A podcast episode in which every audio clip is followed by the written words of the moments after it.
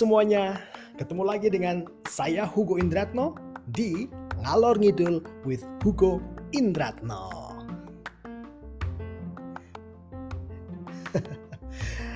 Ini ngelanjutin episode kemarin uh, yang kita bicara-bicara tentang uh, bisa nggak sih kamu bikin musik sendiri?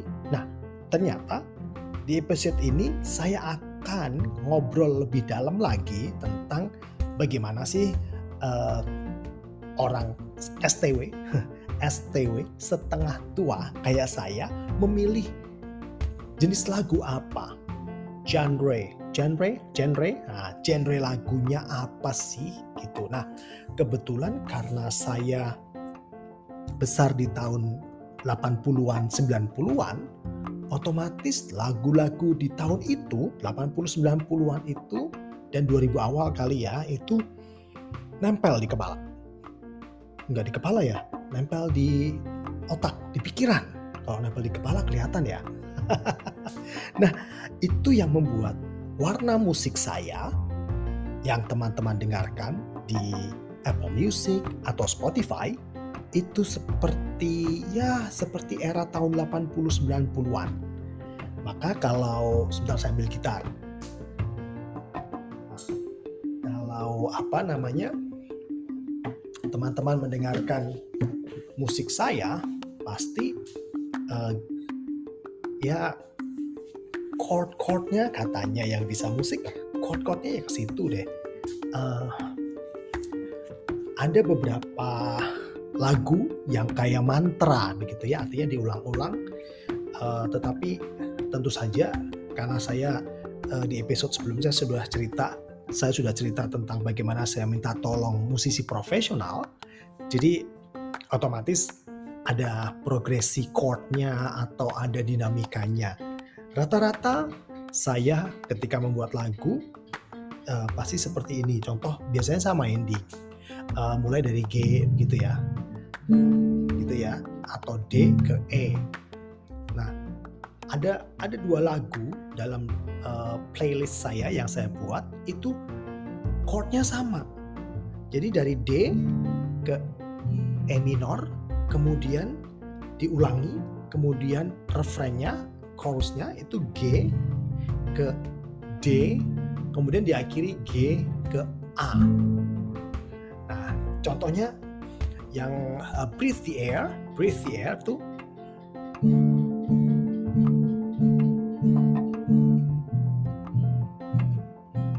lagunya jadi Walking in the aisle of green trees down on the hill. I breathe the air in I breathe the air out. Suaranya nggak bisa teriak-teriak ya.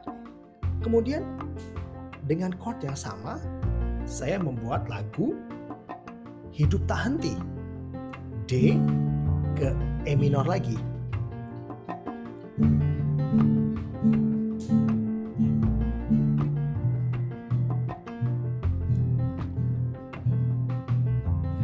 hari ini. Hmm, gak enak ya. Harus harus harus agak tinggi suaranya. Hari ini aku mulai mengerti bahwa hidup ini memang tak abadi. Nah, ya suaranya jadi kurang los karena apa? Ketika saya rekaman ini udah sudah malam ya sudah jam 10 setengah 11 setengah 11 malam. Jadi uh, supaya anak-anak tidak terbangun. ya, jadi progresi chordnya ke situ. Atau uh, ada lagu yang sedang saya persiapkan, uh, When the Morning Breaks, itu dari F ya. Eh.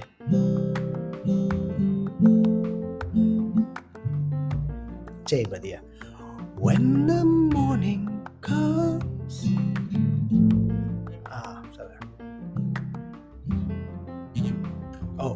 C ke E minor. When the morning comes, oh C tinggi ya. When the morning comes, oh how I love. Ya gitu ya, nanti diteruskan, nanti jadi bocoran. jadi kira-kira uh, jenis lagunya ya rock alternatif seperti itu, dan uh, band-band yang mempengaruhi saya uh, otomatis uh, band-band kala itu ya uh, R.E.M. oke okay? mungkin masih ingat dengan uh, Losing My Religion ya R.E.M. Uh, diulang-ulang seperti mantra uh, kemudian Pearl Jam uh, kemudian ada of course Nirvana ya jadi ikonnya kemudian ada lagi kalau band-band yang lebih tua lagi itu uh, mungkin sudah tahu ya uh,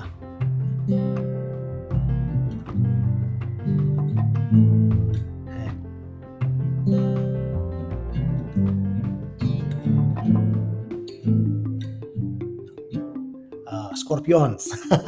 saya gitarnya ngawur. Uh, kemudian uh, Skid Row, ya saya paling suka uh, kalau sudah pulang capek itu pasti nada saya akan ke Skid Row main gitar.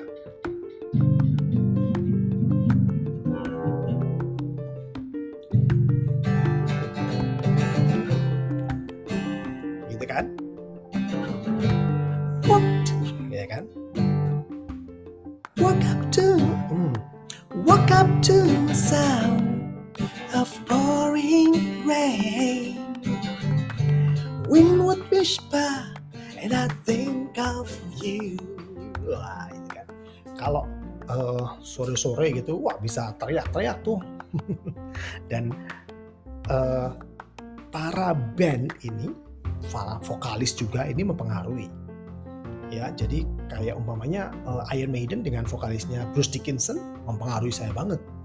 Uh, dengan nada-nada suara yang garang begitu ya yang uh, tidak tinggi banget tetapi uh, cowok. Wah gitu ya nah uh, itulah kenapa di episode sebelumnya saya mengatakan uh, apakah akan sesuai dengan selera pasar hmm, belum tentu juga tetapi sering kali adalah prosesnya bagaimana kita menemukan lagu yang cocok yang kita buat itu berarti juga adalah jenis musiknya cocok dengan kita. Kalau saya masih uh, mencoba untuk uh, apa istilahnya, uh, mencoba aliran lain, contoh yang agak-agak reggae yang yang gini kan.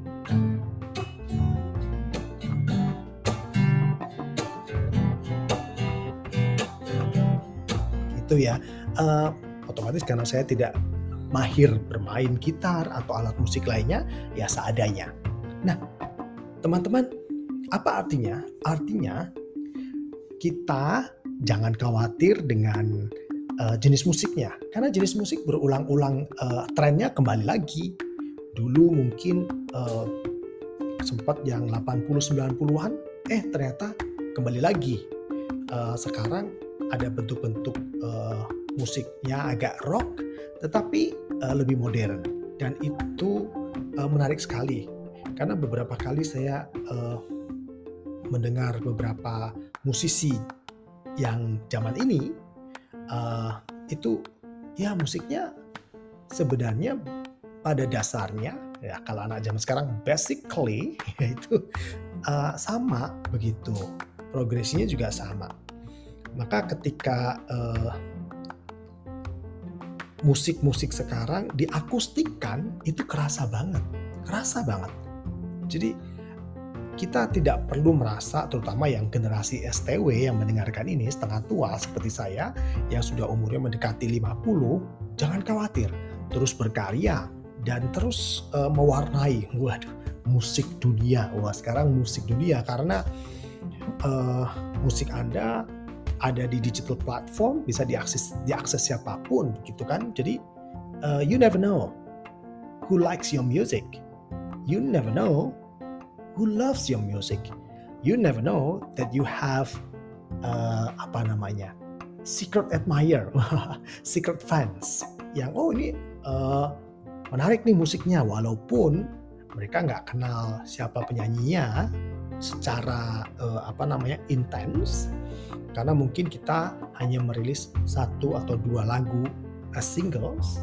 Jadi uh, kita bisa tahu bahwa uh, semua jenis musik itu pasti disukai oke saya taruh gitar dulu ya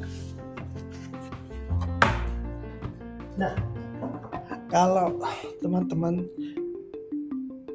punya tadi ya seperti di episode sebelumnya punya keinginan menulis lagu, punya keinginan uh, menulis lirik, itu harus ditekuni betul-betul. Jangan merasa ah uh, lagu saya jelek nih.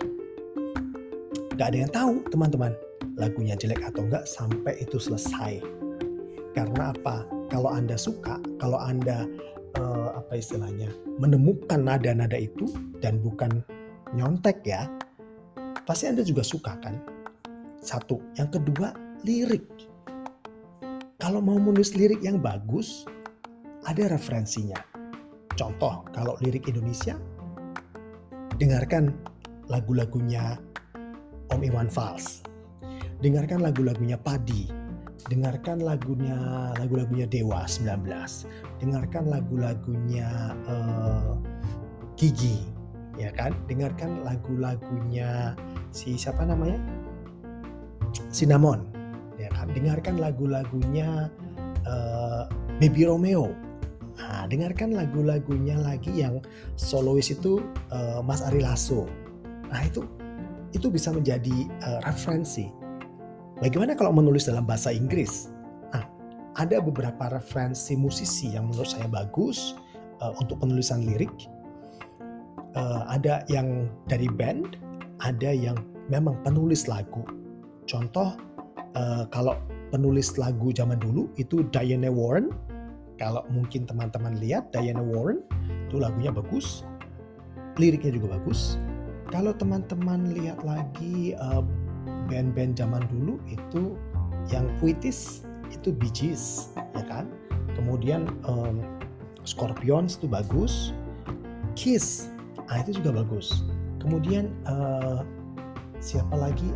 Kalau yang agak zaman dulu itu uh, contoh biasanya malah grup-grup rock itu yang uh, kuat ya. Tapi yang folk, yang folk music itu uh, Art and Garfunkel, nah itu bagus banget, itu bagus banget. Kemudian of course Bob Dylan ya, Bob Dylan ya. Kemudian ada lagi grup-grup seperti Chicago, grup-grup yang uh, mendekati ke sini yang bagus itu seperti uh, siapa namanya? Uh, contohnya oh bukan grup penyanyi. Alanis Morissette ya kan?